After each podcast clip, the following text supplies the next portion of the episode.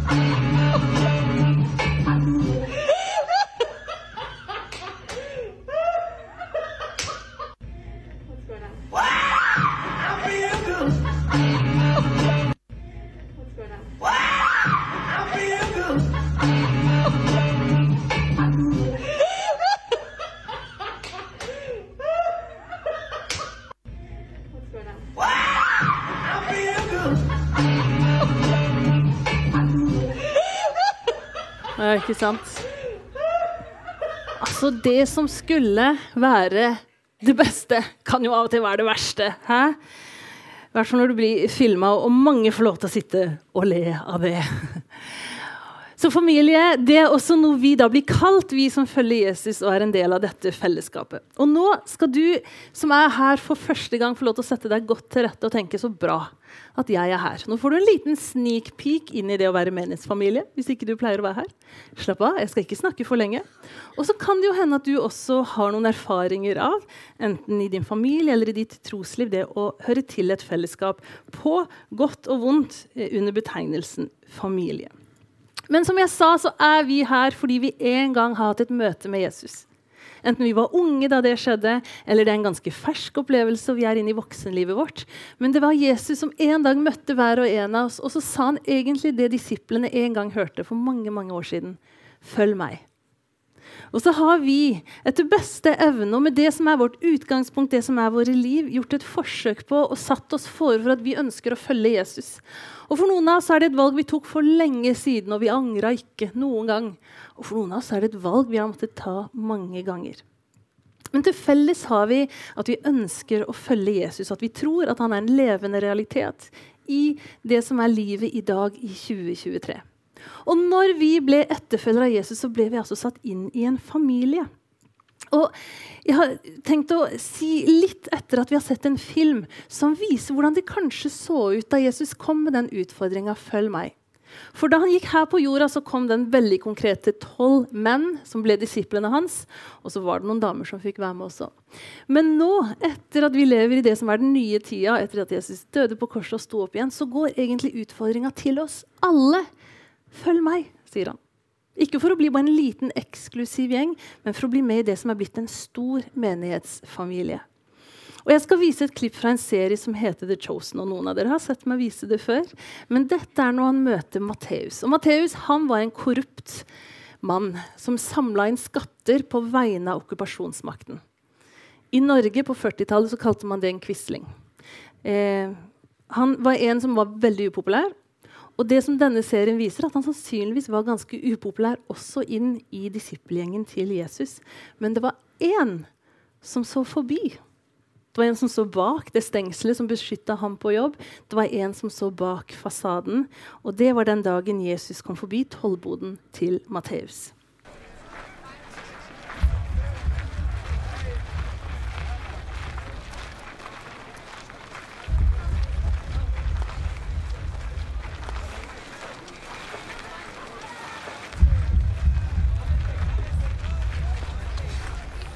Matthew.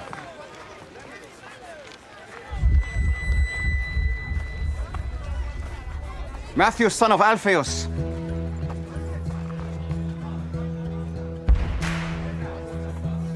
Yes.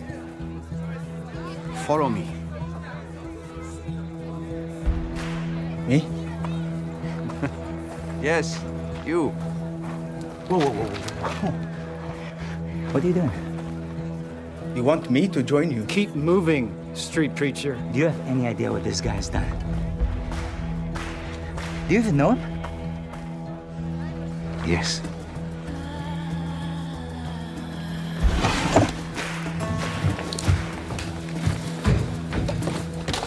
Listen, I said to. What are you doing? Where do you think you're going? Guys, let me go.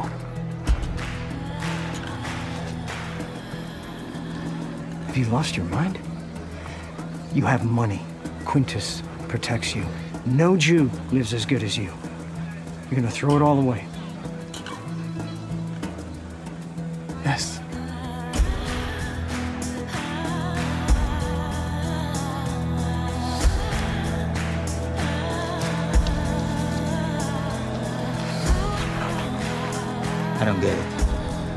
Didn't get it when I chose you either. But this is different.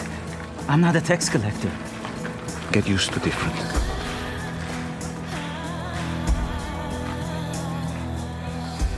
I'm glad we passed by your booth today, Matthew. Yes. Shall we? We have a celebration to prepare for. You will regret this, Matthew. What's the tablet for? Grabbed it without thinking. You can put it back. No, no, keep it. You may yet find use for it. Where are we going? A dinner party. I'm not welcome at dinner parties. Well, that's not going to be a problem tonight. You're the host.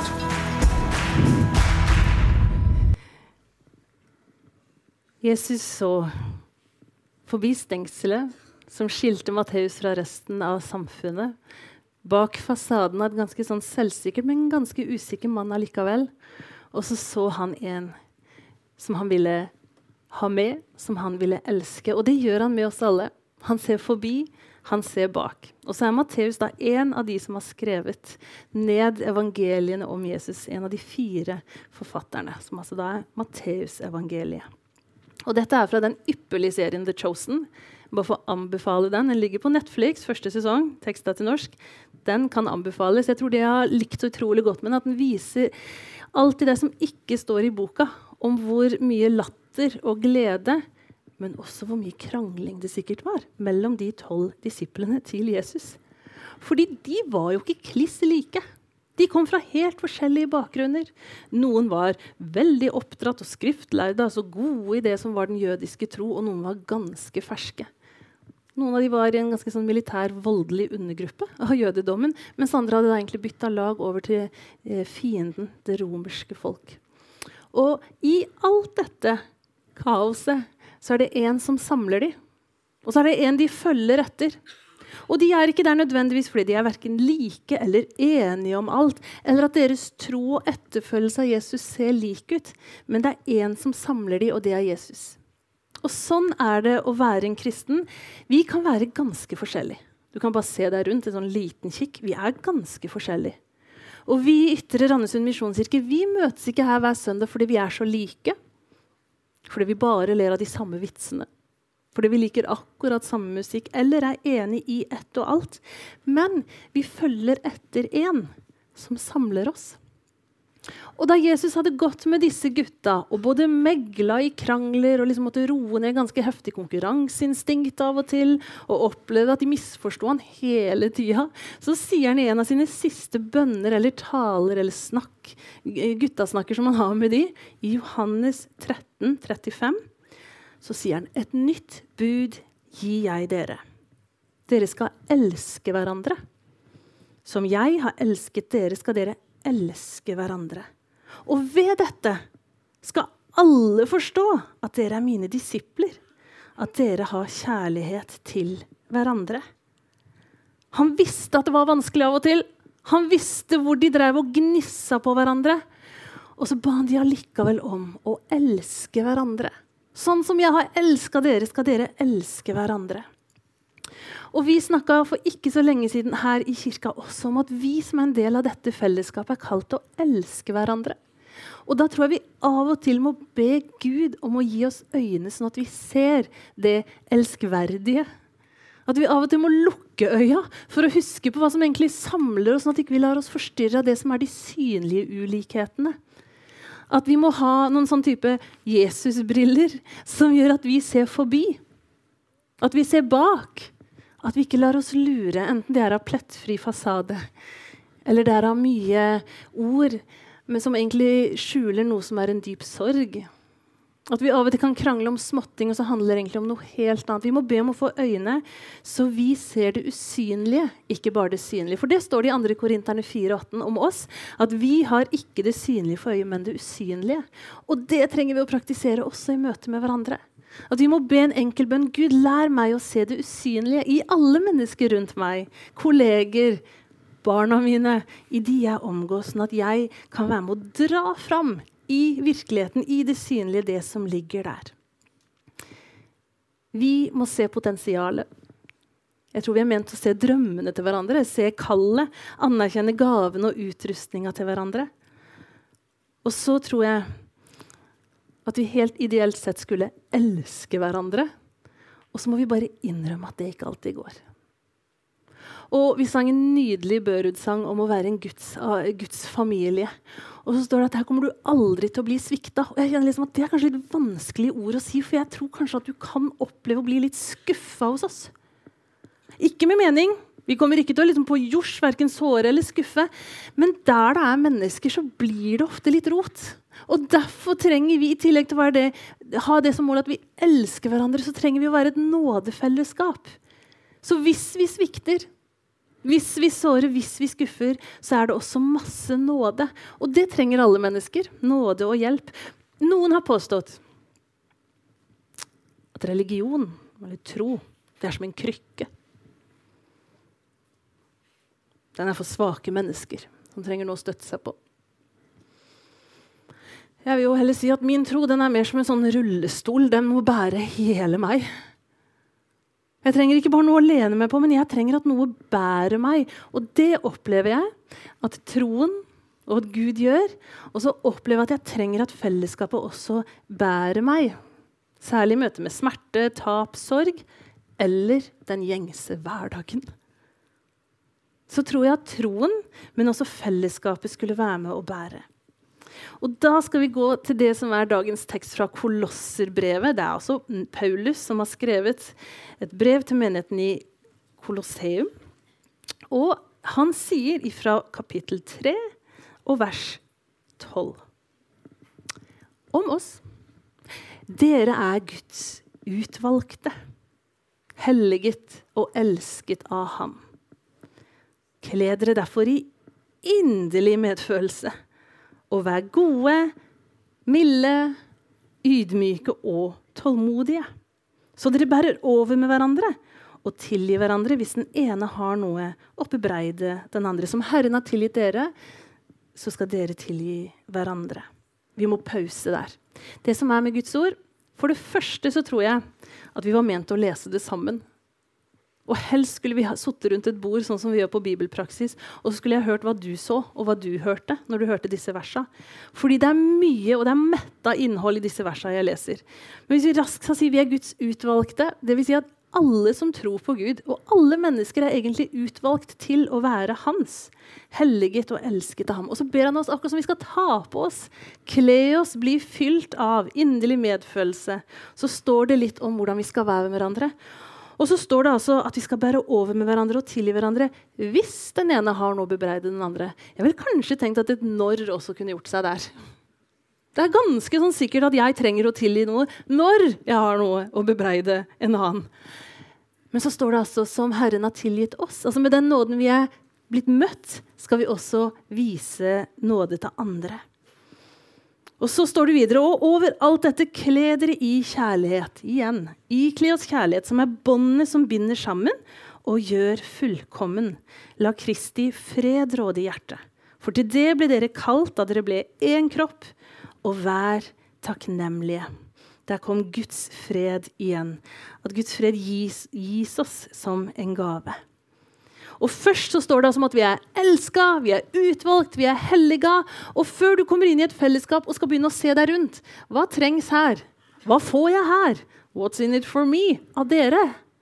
Så tror jeg det er viktig å løfte blikket og si men hvem er jeg idet jeg entrer dette fellesskapet? At identitet er mye viktigere enn prestasjon i Guds rike. Gud har først lyst til å si deg hvem du er. Hva han ser i deg, hva han har gjort for deg. Altså Han har utvalgt deg, han elsker deg. Det står at du er forsont med Gud. At han har gjort alt, og så skal du være på mottagerlista av Guds nåde og kjærlighet og godhet. Og jeg tenker at Hvis vi har løfta blikket og sett inn i det blikket som bekrefter, som elsker, som har kjent meg fra jeg var et foster i mors liv, og så ser jeg litt lenger ned på bakkemannskapet, så tror jeg det preger blikket mitt. Både at jeg tåler litt mer av dere, for jeg vet hvem som egentlig definerer meg. Og så kan det hende jeg ser noe i deg fordi Gud har prega blikket mitt. Vi er et nådefellesskap fordi vi er blitt møtt med nåde av Jesus. Og da får jeg nåde til å være meg sjøl. Og så får jeg nåde for andre mennesker. Nåde inn i mitt rot, og nåde for andres rot. For der det er folk, er det rot. Jeg beklager å si det, men det kan jo av og til gjelde helt sånn fysisk og praktisk. Jo flere folk, jo mer rot. Det har i hvert fall vi oppdaga på barn nummer tre. Det er utrolig mye rot som fører med disse barna. Og jeg har hørt noen si at det å rydde i et hjem med småbarn i huset, det er som å måke i snøstorm. Og det kjenner jeg igjen. Det er så mye rot. Men det kan vi jo gjøre noe med. Det er verre når det blir rot mellom oss. Når det blei litt kluss. Når det ble en sånn misforståelse vi aldri fikk ordna opp i, og så fikk den bli skikkelig gammel og sur. Og så blei det til bitterhet. Og jeg er redd at der det er mennesker, blir det rot. Og at det gjelder enten det er på en arbeidsplass, i en familie eller i et idrettslag. Og så gjelder det dessverre også i kirka. Og så er det bare at det er litt ekstra kjipt, fordi at vi her i kirka skulle jo representere Gud. Han har kalt oss sine representanter, at vi er liksom det brevet folk leser om Jesus. Og Da er det jo lett å ha litt høyere forventninger til at vi må jo ha naila det. Altså Kristne må ha liksom kommet litt lenger i det med nåde og kjærlighet til hverandre. Og vi har så mange oppmuntringer til det, og jeg håper det fins mange erfaringer av det. Samtidig er det også her stort potensial for rot. Eller at ikke vi klarer det. At ikke vi klarer å være sånn Gud har kalt oss. Og dessverre så representerer vi ikke alltid rett. Vi har ikke gitt et rett bilde av Gud. Og da tror jeg at vi også har den gaven i å kunne være ydmyk og si vet du hva, jeg klarer ikke representere Gud rett. Jeg kan ikke gi et rett bilde av hvem Jesus er til enhver tid, men jeg er blitt møtt med nåde jeg gjerne vil gi videre, men først så trenger jeg han sjøl. Når vi kommer og blir en del av en menighetsfamilie, så er ikke det for å vise fram perfekte liv. Men det er uperfekte liv der Gud får plass. Og du, Hvis du har vært borti kristne som du har blitt skuffa og svikta av, så har jeg lyst til å si at selv om bakkemannskapet svikter, så må du løfte blikket høyere for å se hvem Gud virkelig er. Det trenger vi alle. Hvis vi skal forstå hvem Gud er, da må vi se hvem Jesus er. Det står at Jesus er det perfekt uttrykte bildet av Gud. Jesus han kalles lys, og lyset er ikke overvunnet av mørket. Lyset har seira. Og Derfor så rommer han både mørket i meg, og han kan komme med lys inn i det som er mine kroker og kriker som ingen vet om, men som smerter. Sånn at jeg kan bli fri og komme ut i lyset. Jesus er kjærlighet. Han er kjærlighet. Og han sier at han elsker deg med en evig, ustoppelig, betingelsesløs kjærlighet. Og så står det enda et vers i Kolosserboka, Kolosserbrevet, som er en Jesus-hymne. Og her er det, det er mange munnfuller, men jeg skal trekke ut noen fra kapittel 1, som står om Jesus. Han er den usynlige Guds bilde. Den førstefødte før alt det skapte. For i ham er alt blitt skapt, i himmelen og på jorda, det synlige og det usynlige troner og herskere, makter og åndskrefter. Alt er skapt ved ham og til ham. Han er før alt, og i ham blir alt holdt sammen. Han er altså knutepunktet for alt som er skapt. Han er hodet for kroppen, som er kirka. Det er vi. Han er opphavet, den førstefødte fra de døde, så han i ett og alt kan være den fremste. Her er det masse teologi vi ikke engang rekker å være innom. Men se hva det står. I Jesus ville Gud la hele sin fylde ta bolig. Og ved ham ville Gud forsone alt med seg selv. Det som er på jorda, og det som er i himmelen, da han skapte fred ved hans blod på korset. Og jeg vet ikke om du kjenner igjen beskrivelsen av Jesus, eller du har erfart de karakteristikkene jeg bruker på Jesus, og som jeg har erfart i mitt liv. Men hvis det er én ting vi skal huske om Jesus fra i dag, så er det det han har gjort. For det viser hvem Gud er. Og det er at Jesus har skapt fred. Han har forsona verden med seg. Han skapte fred ved å gi sitt liv på korset. Og jeg er så takknemlig for at jeg får leve i hans fred. Vi tar det jo litt for litt gitt, for vi lever i et land med fred. Det er vi veldig takknemlige for. Men så vet vi at til og med i fredfulle Norge så kan livet våre være fylt av uro, av angst, av bekymring, av mørke. Men Jesus han har kommet med en fred inn i alt det som når meg, og som bærer meg. Han vil komme med sin fred til deg om du tar imot han. Han viste Guds kjærlighet ved å dø på korset. Ved å strekke ut hendene og si 'Nå skal du slippe å prestere mer i forhold til Gud'. Det er fullbrakt. Og så står det at vi bare skal få lov til å ta imot Hans nåde, ta imot Hans frelse, ta imot Hans fred. Og da tror jeg at Når vi blir møtt med en sånn kjærlighet som er på åpenbaringsnivå Dvs. Si at vi kan ikke lese oss til det. Du kan ikke liksom få studiepoeng i å forstå Guds kjærlighet. Det er noe som må gå herfra og den lange veien ned hit. Og sannheten er at De fleste av oss som følger Jesus, vi bruker et helt liv på at det drypper litt og litt av at jeg er elska. Og det er den åpenbaringa som gjør Gud så fantastisk å leve med, men som også gjør at jeg kan leve sammen med dere i menighetsfamilien, og som jeg trenger at andre ser på meg med et nådig blikk, et kjærlighetsfullt blikk. For noen år siden var det en som stilte opp i en Idol-audition. Dette var i begynnelsen på Idol-tida. Det var før liksom, de hadde sagt til dommerne at det kan kanskje være litt greie med noen. De hadde tatt veldig den amerikanske konseptgreia om at de helst skulle få de til å grine av dommernes tilbakemeldinger. Det var fælt å se på. Så viste de jo selvfølgelig de beste, og så måtte de liksom vise noen av de Kanskje ikke sånn helt beste, da. Og så var det en ung gutt som sto og sang av hjertets lyst foran disse tre-fire dommerne. Og du så på ansiktsuttrykket at dette falt ikke i god jord, og det var ærlig talt ikke sånn veldig pent å se, eh, høre på.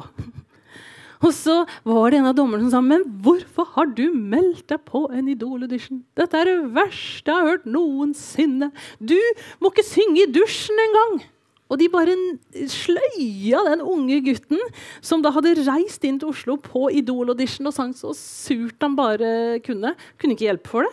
Og så fikk han altså sånn slakt. Og da var liksom programlederens rolle å stå og ta imot dette knuste mennesket som kom ut, og definitivt ikke gikk videre. Og så sa han liksom mellom tårene og hiksta, så sa han Men mamma sa at jeg synger kjempefint, og at jeg var Norges neste idol. Og av og til så er det bare en morskjærlighet som kan høre skjønnhet i det som ikke er helt rent eller helt bra. Av og til så må det en foreldres optimisme og ønske om at du kan bli hva du vil, som gjør at vi heier inn i kanskje av og til utfordringer de ikke skulle gått inn i. Men vet du hva Gud ser forbi din sure sangstemme? Han ser dine litt sånn mislykka forsøk på å bli noe du ikke er. Hos han så trenger du ikke å gå på audition. Men han ser potensial i deg som til og med mamma og pappa ikke har oppdaga. Som du kanskje ikke har fått anerkjent av dine kompiser og venninner. Han elsker deg, og han har lyst til å dra fram det han har lagt ned i deg. Ikke for at du skal bli Norges neste idol, kanskje. Kanskje ikke for at det skal bli så veldig bra for deg engang.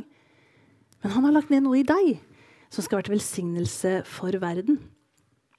Og Nå kan lovsangsteamet komme opp, og så skal jeg avslutte med det som er et av de vakreste sitatene om Jesus som jeg veit om.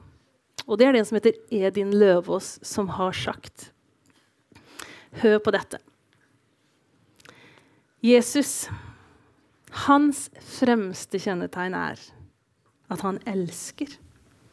Han elsker perfeksjonisten løgneren, den ensomme, tvileren og den skuffede. Alle. Han elsker alle. Og han utfordrer alle så hardt at de kan tåle det. Gud, jeg takker deg for at du har forsona hele verden med deg og Jesus, takk for at du har gitt oss livet. Og du inviterer oss i dag, uansett hvem vi er og hvor vi er, til å følge deg. Og i det vi blir etterfølgere av deg, så setter du oss inn i denne menighetsfamilien, som i all sin sårbarhet og i skjønnheten i den er det den er. Et fellesskap hvor vi er kalt til å se hverandre og elske hverandre. Hvor vi av og til må bære over med hverandre og tilgi hverandre. Men hvor vi skal se enda mer av hvem du er, Jesus, og hvordan vi kan følge etter deg i våre liv. Og så har du bedt oss om å elske hverandre og elske den verden vi er kalt til. Gi oss mer av din kjærlighet, så vi kan gi mer av den videre. Amen.